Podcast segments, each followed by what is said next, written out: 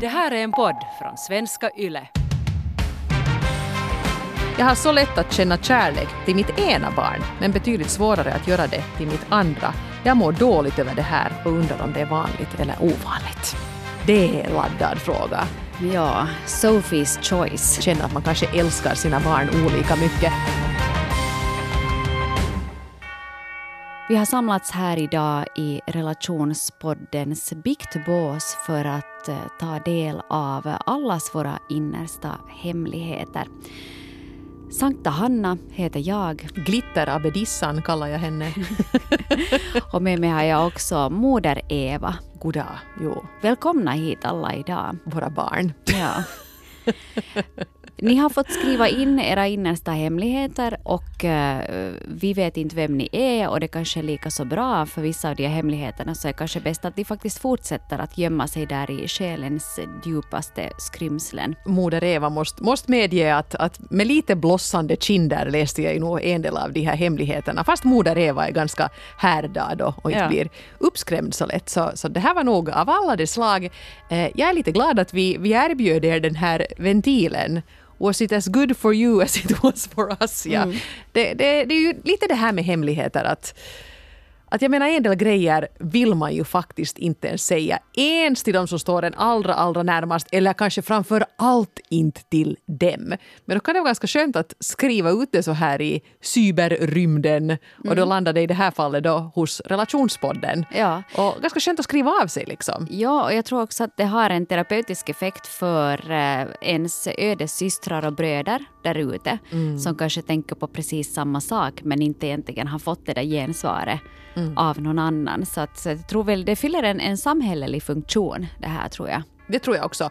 Och eh, vi kommer inte att försöka döma någon här. Det här är inte ett sånt program, men vi kan kanske inte riktigt hålla igen med, med de fantastiska goda råd som bubblar upp inom oss emellanåt. Så lite sånt får ni stå ut med. Men annars ska det här nu vara en sån här, trots att det här ödesdigra bing-bongande här i bakgrunden, ska det här vara en sån här eh, icke-fördömande eh, zon. Ja, en kärleksfull fri zon Ja, där man får eh, berätta det vad man har på hjärtat.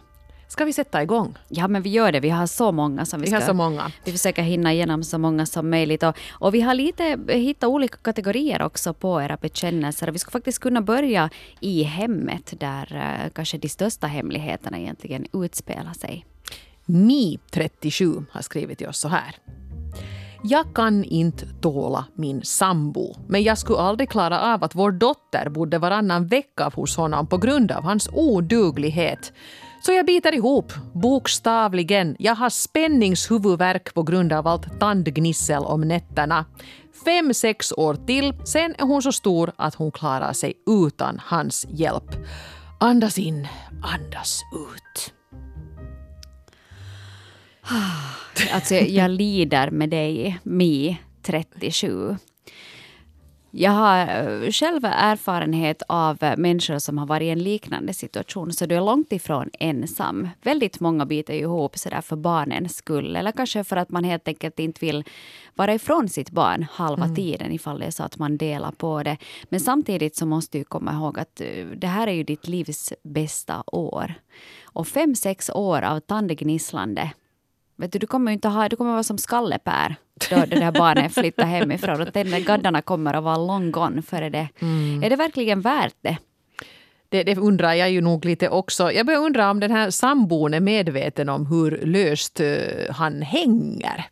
Att eh, du faktiskt håller dig kvar enbart på grund av, av det här barnet. Och det är förstås fint att sätta barnet i första hand. Men jag börjar också undra att är det här sen det bästa för barnet? Eh, Det beror på hur frustrerad och, och jobbig situationen där hemma, hemma blir. Eh, Vi vet ingenting om, om din familjeverklighet Mi37 eller exakt hur oduglig din sambo då är.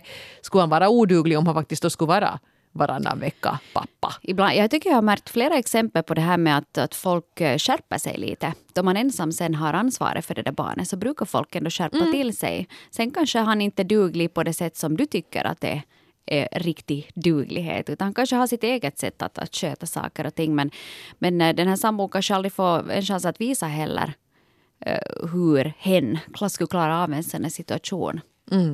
Så vad säger vi nu då till Mi 37? Hur ska hon då komma vidare från detta? Jag säger att du ska gå vidare från detta för att absolut, vet du, kom ihåg det här. Jag tycker jag har blivit påminn om det så många gånger nu här på, på senaste tiden igen är det här att vi har inte obegränsat med tid.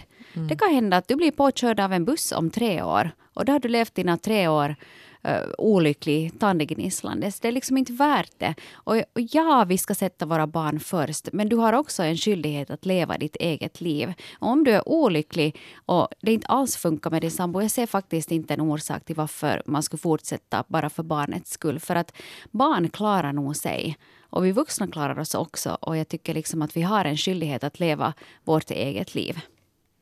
Here, here. Så. Modern håller du, med här. Så det kanske det blev en sån här dumpa skiten nu det i alla fall. Som brukar, brukar Nå. dra till mig alltid nu som då. Eventuellt ja. Jag menar, det, det, det är Hanna som brukar Sankta Hanna brukar tycka... Hennes, hennes valspråk var ju dumpa skiten. Det, kan man brodera på en bonad alltid och ha på väggen hemma. Ja. Men eh, jag håller faktiskt med. Jag menar, det låter inte som att det här är värt det. Och eh, tänk lite på dig själv också. Och eh, som, som Sankta Hanna också brukar säga när hon citerar fader Phil. Ja. If mom ain't happy ain't nobody happy. Så är det. När du blir lyckligare så tror jag faktiskt att det här barnet blir lyckligare på köpet. Och den här odugligen kanske karpar upp sig. Mycket kärlek till dig och hoppas det blir bra. Vi har en annan sambo-story också här som eh, inte kanske är lika dramatisk och lika så här livsavgörande innehåller lika stora sådana följder nödvändigtvis, men vad vet jag? Eh, här har nämligen en person som väljer av att, att vara anonym av helt förståeliga orsaker skrivit att jag tvättar WC-bytta med sambons tandborste när jag är riktigt arg. Ja, Följden där så kan ju antagligen bli någon sån här typ av riktigt vidrig magbobba som kanske till och med kan smitta över på den här WC-bytstvättaren. Så, så vi avråder ju från att man fortsätter på, på det här sättet. Det här låter Av inte alls- hälsoskäl. Av hälsoskäl, speciellt i dessa tider. Tänk när stackars sambon går i munskydd hela dagen, tvättar händerna och håller på. Men föga vet han vad han utsätter sig för när han borstar de små gaddarna på kvällen. Ja, Ja. små hämnder tycker jag nog faktiskt att man ska kunna unna sig, men det här låter lite väl, ja, bokstavligt talat, magstarkt. Mm.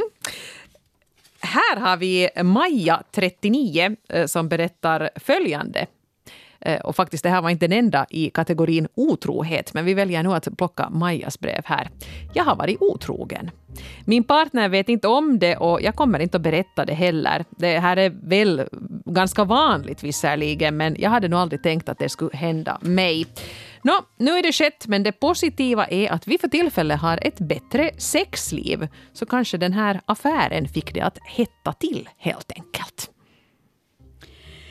Det är ganska spännande det där med att, att en affär kan få det eh, egna förhållandet att hetta till. För jag skulle tänka att det skulle ha helt motsatt effekt. Vet du, att om du har haft en eh, het älskare eller älskarinna ett tag så skulle jag tänka att den där, den där gamla eh, tråkiga typen där hemma skulle kännas ännu tråkigare jämförelsen. Jag förstår inte riktigt det här hur det hettar till där hemma. Kanske det kan vara en sån här grej att man eh, uppskattar mera den som man har där hemma efter att man har varit och, och klippt gräset på grannens gräsmatta. Jag har en helt annan teori och jag tror att jag tror att till och med har någon läst artiklar om det här att kvinnor är inte egentligen otrogna för att de inte är nöjda med partnern utan för att de inte är nöjda med sig själva. De tycker inte om den de blir med sin partner. De tycker att de inte får tillräckligt med uppskattning och så här. Och då kan det vara lockande att, att ha en affär med någon som faktiskt bekräftar en och, och liksom får en att känna sig sexig och ljuvlig och spännande. Och då kan det ju hända att Maja fick det här under den här flingen och därför tar med sig den självkänslan hem. Ja. Kanske hon bara liksom utstrålar så mycket energi och självkärlek och så här att den här partnern också hakar på och får henne att känna sig bättre. Hon har helt enkelt fått den där boosten. Ja, jag, jag köper din teori faktiskt där. Och jag menar inte, inte är otrohet någonting som jag nu på något sätt kan rekommendera, men nu gick det på det här sättet. Jag tycker det är helt okej, Maja, att du inte säger någonting, för ju, ris- risken är ju att partnern ta mera skada än ha någon nytta av att känna till det här. Och om det ändå slutar med att er relation blev starkare så är det ju en bra grej. Mm. Nu låter det ju Eva som att du, du uppmuntrar otrohet och det vet jag att du inte gör. Gå ut och var otrogna alla, säger vi. Det här så blir det roligare, blir det roligare Nej, hemma. men jag säger att, att hänt är hänt. Det var ju inte riktigt bra det där. Det vet nog säkert Maja också. Men om det nu faktiskt känns bättre nu i den där relationen nu så gå vidare. Ja, och vet du, shit happens. Det Ja, det gör så. ju det. Ja. Ja. Och jag menar, händer det kommer den där lockelsen igen, kanske med någon annan eller med samma, då tycker jag du ska tänka till att är det nu någonting fel på den här relationen. Men om relationen just nu känns bra och du kan leva med ditt samvete så ja, då må det vara så. Här har man eh, 25 till 30 år skrivit in sin innersta hemlighet. Jag gillar att klä mig kvinnligt och känna mig som en kvinna ibland. Mm. Kort och koncist. Bra, säger jag. nej, men Bra. vad är väl nu det? Ja, Men det där tror jag nog, jag tror att det kan vara för speciellt för män verkar Mm. det ju vara en, en ganska svår grej. Det är kanske inte det som du tar upp på bastukvällen med polarna direkt. Att Mm. jag tyck, kanske provar kvinnokläder ibland. Men jag ser ju inte något fel i det. Att om du liksom njuter av det och tycker att det här är, är morgens, så finns det ju någonting fel i det. absolut inget fel i det överhuvudtaget. Och där är ju en sån här situation där till exempel jag som kvinna kan ju klä mig jättemanligt. Och Jag minns att jag en gång gick på en fest i kostym bara för att känna efter hur det kändes. Och jag tyckte det var jätte, jättespännande. För att liksom, jag tycker faktiskt att folk förhöll sig till mig på ett annat sätt för att jag var klädd som en kar. Men det är inget konstigt med det. Liksom, ing- ingen ser snett på det utan folk tyckte till och med att det var lite coolt. Men en man som då skulle lite vilja utmana sina kvinnliga sidor och tycker att det är lite härligt med ett läppstift eller, eller högklackat eller så här.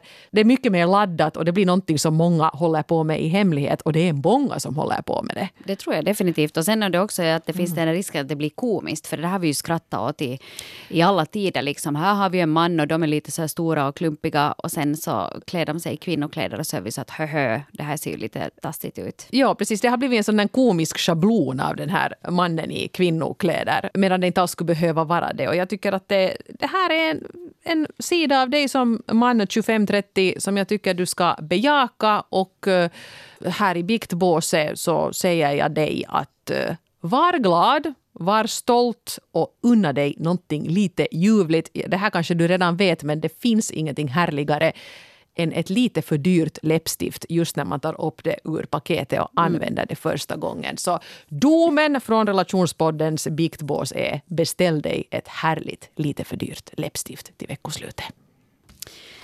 Vi ska gå vidare till, till nästa kategori. Ganska många av er har skrivit om förbjudna förälskelser. Ja, här var till exempel då en kvinna, 28, som berättade att hon, hon är lyckligt gift, har ett ett utmärkt familjeliv men ändå finns det lite...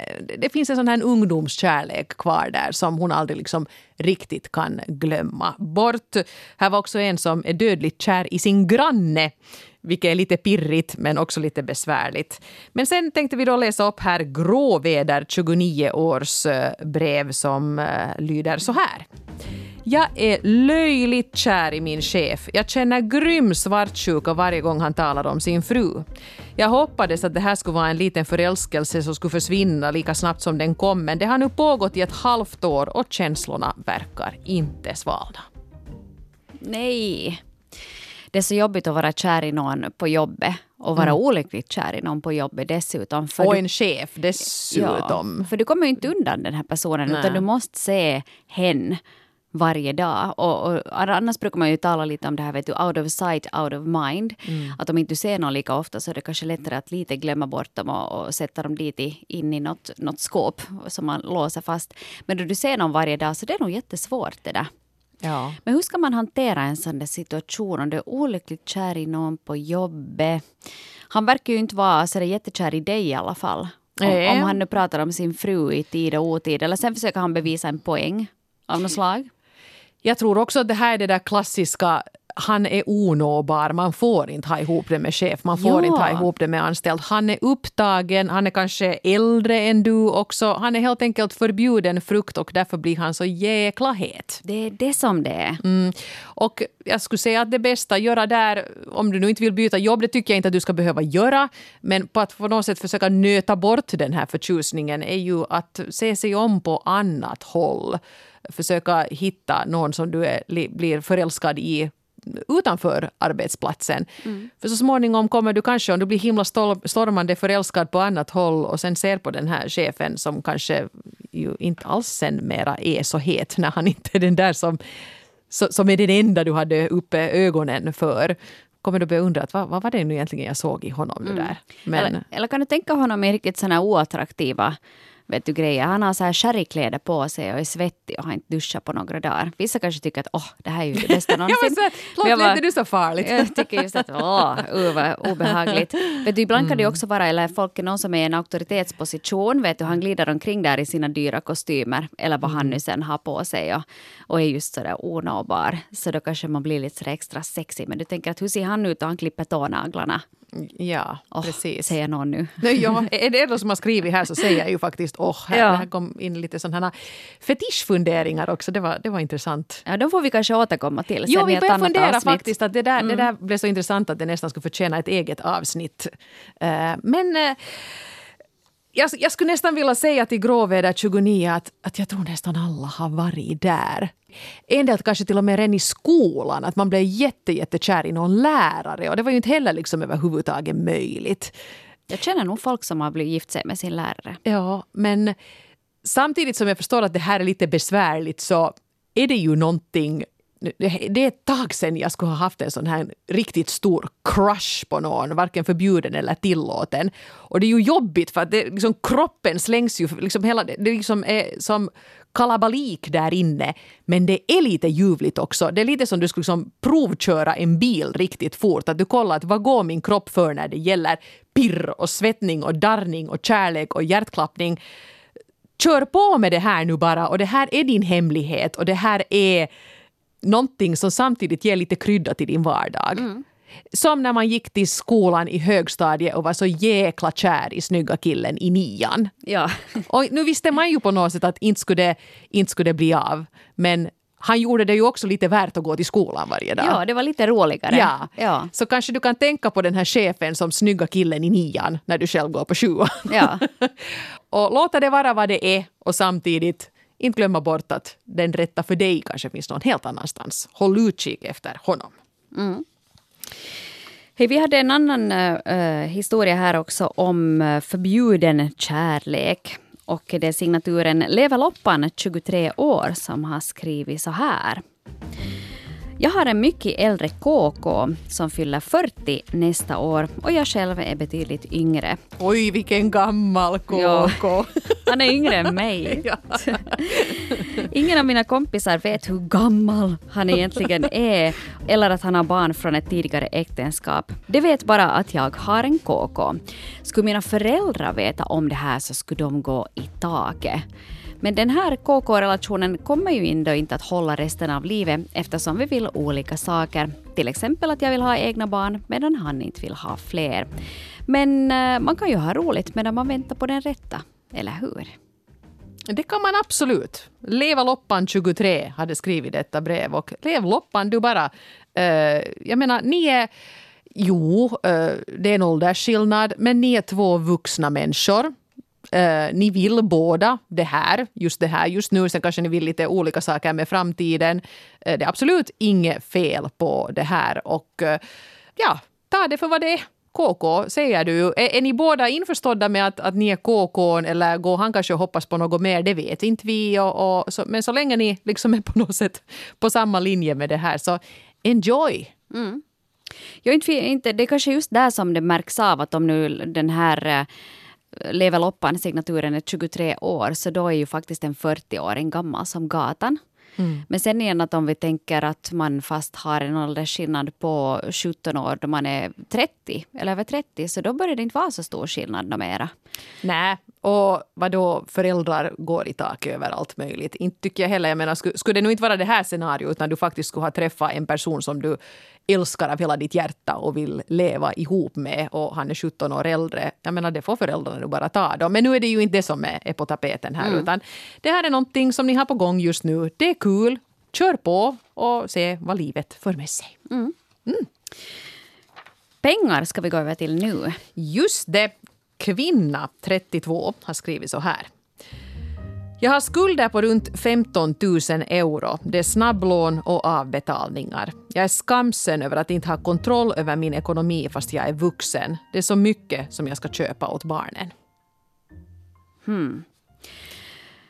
Att komma in i ett sånt ekorrhjul av snabblån och avbetalningar och höga räntor och räkningar som förfaller så är ju säkert mardrömsscenario för oss alla. Och vi har säkert alla också hört talas om att, att snabblån är någonting man ska undvika in i det sista. Så vi mm. behöver knappast köra en, en moralpredikan där. Nej. Men uh, samtidigt så är det här ju nog en, en betydlig skuld som uh, kvinna 32 har dragit på sig. Mitt spontana råd skulle ju vara förstås det att ta kontakt kontakt med din egen bank. Mm. Se till att kan du få eh, ett lån till förmånligare ränta så att du, kan, du i princip kan betala av alla de här snabblånen mm, som mm. ibland kan ha helt vidriga procenter på, på vet du, en fjärdedel av, av lånesumman. Så, så det skulle nog vara kanske det allra första. Och sen att, att eh, om du är nu ändå 30 plus så kanske du kan höra av dig. Kanske dina föräldrar kan hjälpa mm. med att skjuta till så att du kommer ur den där riktigt värsta knipan för ett tag eller någonting annat. Det brukar kunna finnas hjälp att få bara man vågar berätta om det. Men jag förstår att det känns inte bra att ju... som vuxen människa säger att hej, att jag har dragit på mig 15 000 euro skulder på i princip jag vet inte vad. Och det är ju just det som är tanken med de här snabblånen. Dels den här skyhöga räntan men också det där att det är så lätt och att ingen dömer dig när du tar det. Det är några klick och så har du pengar på konto men de där pengarna är ju inte dina utan de ska ju betalas tillbaka. Medan däremot ska du gå till banken så kanske du är rädd att där sitter någon banktjänsteman och tittar snett på dig. Att vad är du för en hoppetossa som har, har gjort på det här sättet? Alltså herregud, du är 32 och du har barn och det kostar pengar och det är ingen skam att det är kämpigt med ekonomi. Jag tycker att du måste försöka släppa det. Sen att man fattar dumma beslut Sånt händer och då kan man ju kanske försöka fatta lite smartare beslut framledes.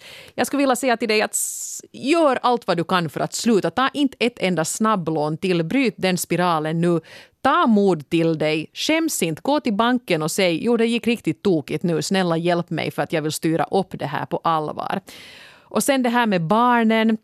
Det vet vi med, med Hanna mycket väl. Barn kostar så tusans mycket pengar och man kan bränna hur mycket pengar som helst på sina barn. Om man har massa pengar, man kan bränna dem alla på barnen för de hittar alltid på grejer de så att säga behöver.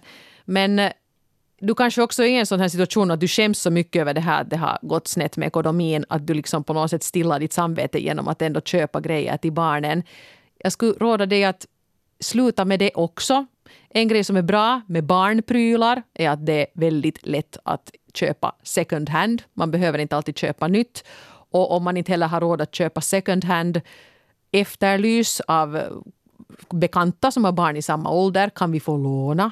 Och faktiskt måste säga då till barnen att, att nu är det så här att nu, nu håller jag på att bli jätteskuldsatt här och nu måste vi styra upp det här jag tror de förstår det ganska bra. Mm. Och jag tror att det är helt bra också att man berättar åt barnen varför man inte kan få det som mm. man vill ha. För jag kan ha också, gå med mina barn i, som i, går i lågstadiet båda två, så kan vi gå fast i lokala marketen och säga att jag vill ha den här märkeshopparen. Och så tittar jag på prislappen, den kostar 70 euro.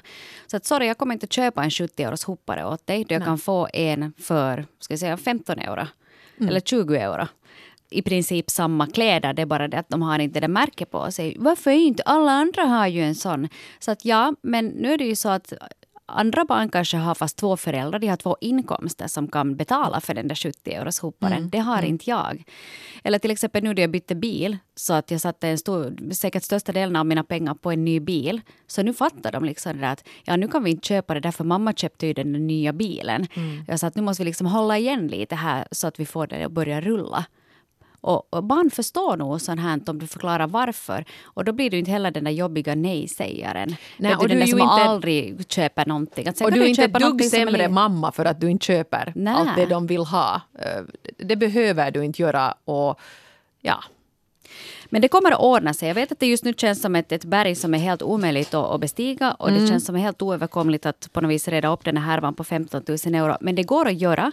Så Men länge grej- du slutar med så länge du slutar med det nu, för annars så kommer det att ta vet du, ett halvt år så är det 20 000 euro. Exakt. Så att uh, gör, gör någonting åt saken och gör det nu. Ja, kärlek och push och pepp från oss till dig.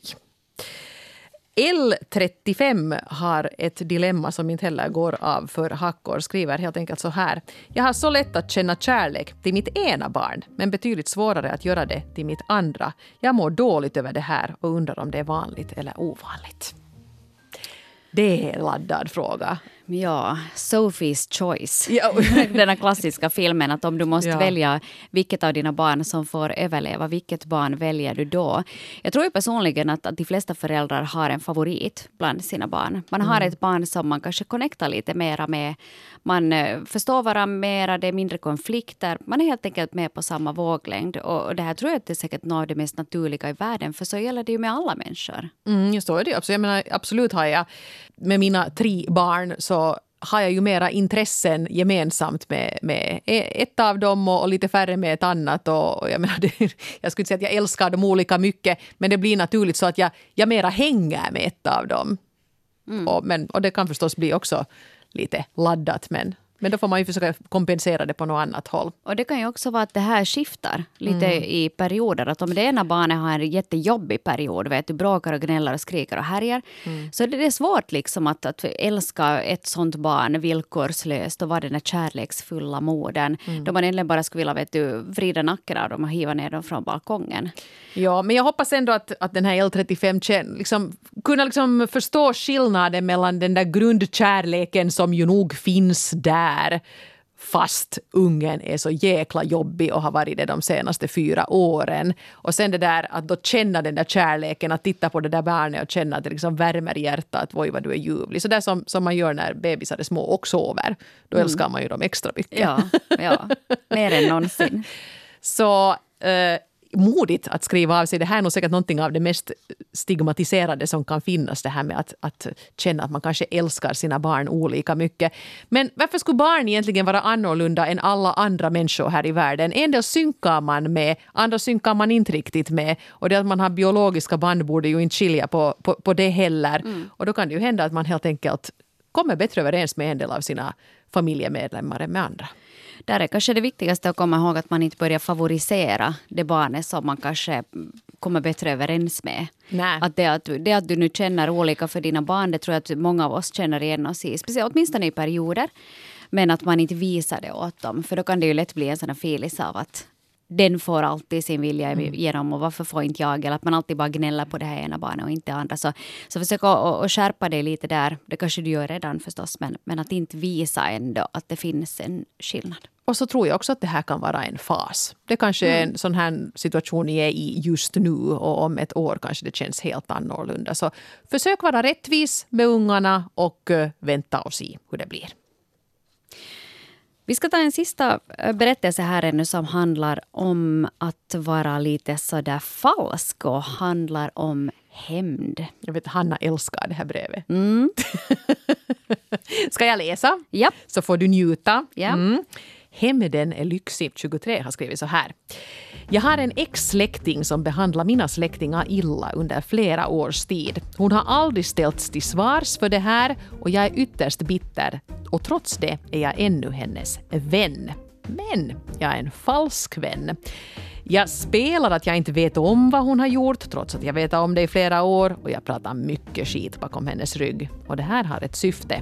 Nämligen, jag kommer att hämnas genom att metaforiskt uttryckt slå på hennes svaga punkter. Jag kommer att uppnå saker i livet som hon försökt uppnå men aldrig lyckats med. På alla möjliga sätt ska jag stoltsera med hur mycket bättre mitt liv är och varje motgång hon möter, ja då ska jag korka champagnen. Det här må låta sjukt men man behandlar inte min familj illa ostraffat. Det kan ni skriva upp. Jag älskar det här brevet för att det är så ärligt.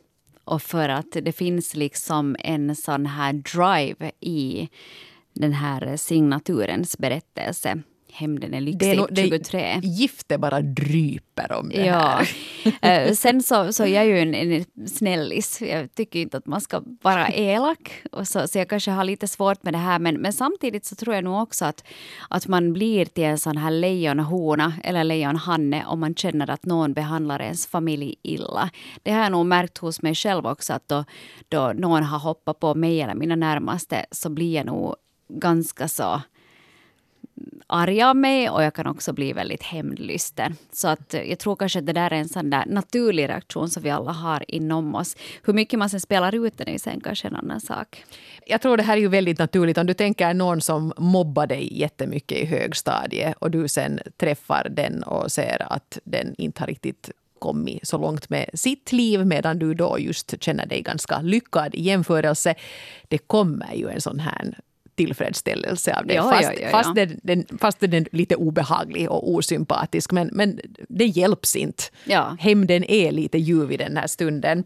Så jo, hämnden är lyxig 23. ehm, jag tycker ändå det låter ganska harmlöst. Jag tror inte att du ändå vill den här ex-släktingen så illa att du vill bryta ner henne totalt utan du vill kanske njuta lite av de här små segrarna. Och det tycker jag nog att du kan göra också. Eh, för varje motgång hon möter ska jag korka champagne. Om det nu är sådant i stil med att hon bumpar bilen eller, eller något sånt här. Inte nu att hon kommer till skada och, och så här, att du då börjar korka champagne. Då tycker jag du låter lite osympatisk nog. Men ändå sånt här smått giftigt manipulerande, Ja. det kan man ägna sig åt. Ja, jag kan nog förstå det där. Om det går lite dåligt för människor som är ens fiender eller som man är avundsjuk på så känns det nog lite bra. Mm. Och det tror jag är väldigt vanligt. Men det är inte så många som vågar säga det högt. Så här som hämnden är lyxig 23 gjorde. Ohohoho. Vi hinner ju inte med flera va? Nej. Vi måste tror jag öppna det här biktbåset lite med jämna mellanrum för Ja. att få plats för, för mera hemlisar och berättelser. Det kändes förlösande. Jag hoppas det var lika bra för, för er som det var för oss. Ja, det var, det var upplysande. Ja. Och eh, om det är någon Jag tror vi som måste undrar... bikta oss själva nu efter det här. Ja, det kan nog hända att ta en dusch. Det brukar inte vara så att psykologer går hos andra psykologer vet du, för att få, Ja. få vet du, prata av sig. Kanske vi går på lunch Det istället. kan nog behövas. Men en sak jag bara vill säga, det är kanske de som undrar nu här, att hur skriver folk nu sånt till er? Men jag vill faktiskt understryka det här med att vi är jättenoggranna, Hanna och jag, med det här sekretessen i det här. Eh, Vi försöker aldrig på något sätt spåra vem det är som har skrivit till oss. Så det som skrivs via det här formuläret som vi ofta public- alltid publicerar på söndagar, så det, det kan vi inte ens spåra. Och tar ni kontakt med oss via e-post, så att vi skulle till exempel se er e-postadress, så vi börjar inte försöka snoka reda på vilka ni är, så att ni är helt trygga med oss. Tänker bara att det är bra att få det sagt efter ett så här eh, laddat avsnitt. Så är det. Hej, tusen tack till alla er som har skrivit in. Vad härligt att ni delar med er till oss. Och eh, vi hörs igen om en vecka. Det gör vi. Ha det fint. Amen. Amen.